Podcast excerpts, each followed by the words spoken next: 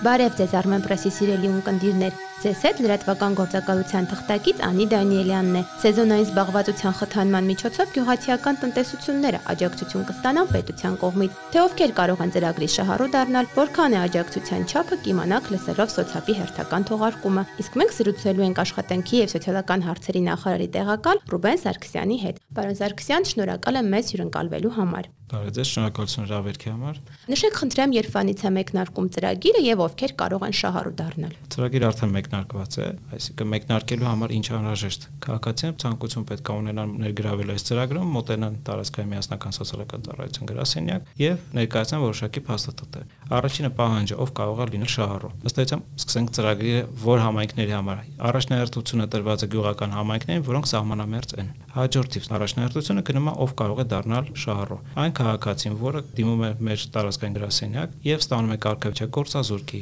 կամ միջև այդ ունի արդեն սոցիալական աջակցության որևէ կարգավիճակ ունեցող քաղաքացի կամ ընտանիքի անդամներից որևէ մեկը հաշմանդամ ունեցող անձ է եւ ունի հողատարածք միջև 3 հեկտար հողատարածք կամ սեփական կամ վարձակալության կամ անհատույց օգտագործման դիմում է տարածքային գրասենյակ հայտնում է իր ցանկությունը որից հաջորդիվ արդեն տարածքային գրասենյակը սկսում է գործընթացները իր հետ բնականաբար պետք է բերի հողի սեփականության հավաստող փաստաթուղթը բոլոր դեպքերում եթե չբերելուց է մի բան փաստաթուղթ մոռանա խնդիր չկա մերոնք տեղում կբացատրեն կներկայացնեն ինչի անհրաժեշտ կուղորթեն հաջորդիվ սկսում է գործընթացները եթե ծրագիրը դրական արդեն սկսում են գործընթացը քաղաքացին համապատասխանում եւ կարող է հանդիսանալ շահառու իր հետ կազմապլան գործողությունների ինչ նպատակով օգտագործել տվյալ հողատարածքը պլան է կազմում աշխատանքի կազմում է օրացույցերով ժամանակացույցով կազմում եւ համապատասխան գումարն է նախաշխվել որքան է նախատեսվում հա մեկ օր աշխատանքային օրվա համար վճարում է 4000 դրամ ներառյալ հարկերը Եվս մի օժանդակություն կա այս բաղադրիչում, դա գյուղատնտեսական տեխնիկա օգտագործելու համար պետությունը օժանդակում է մինչև 5000 դրամի չափով։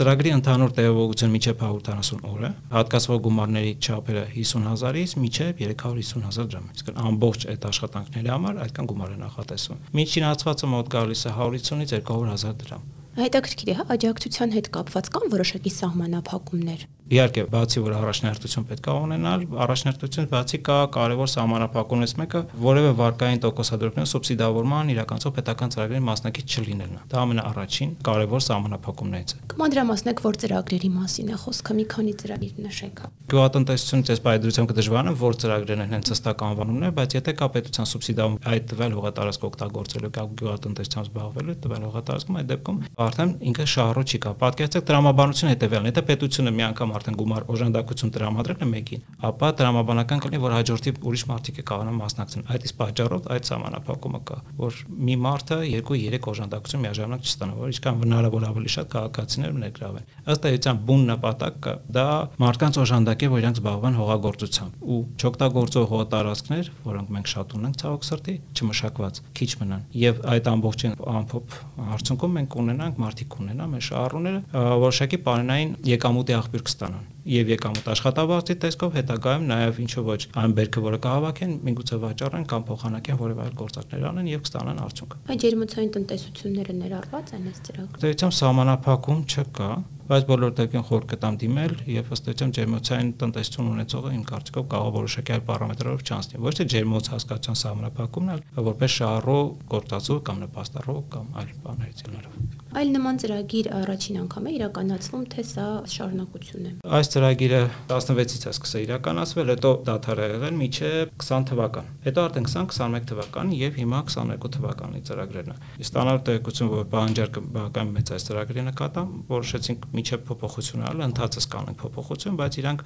բարելավող փոփոխություն են եւ ծրագրի մասնակիցն որևէ մտավախություն, մտահոգություն չպետք է ունենան։ Նշեմ նաեւ, որ սեզոնային զբաղվածության ներգրավող քաղաքացու համար դա չի համարում եկամուտ։ Դա էլ է կարևոր նշեմ կատարողականի մասով, եթե արդյունավետության, այսինքն որքան մարդ ենք ներգրավել եւ ինչ արդյունք է ունեցել, դա այն եզակի ծրագրերից է, որ բավական բարձր արդյունք ունեցող է, այսինքն փորձում ներկայացնել թվերով եւ ավելի հստակ լինի։ Օրինակ նախատեսել ենք անցյալ տարի 764 հոգու համար իրականացել ծրագիր, բայց իրականացել ենք 1076-ի համար, այսինքն ինքը եւ պահանջարկ ունի մարդկանց ցանկություն եւ պետությունը պատրաստական ֆինանսել։ Ավելին հետաքրքրական բանը, որ ինչքան որ գումար նախատեսել ենք, այդ գումարի սահմանում անենք 1076-ը։ Մենք միշտ ավելի բարձր թվի համար ենք նախահաշվար կանում, բայց համադրելով տեսնելով օրինակ միջին 200.000-ը ոչ թե 350.000 համապատասխան հաջողվել է ավելին անել։ Այս պայդրությամբ որևէ սահմանափակում նույնպես չունենք, զուտ նախատեսել ենք բյուջետ պլանավորելու համար 716 ծրագիր, բայց եթե պահանջարկը լինի, որևէ խնդիր չունենք։ Բյուջեի չափը այս պայդրությամբ 170 միլիոն դրամ է մոտ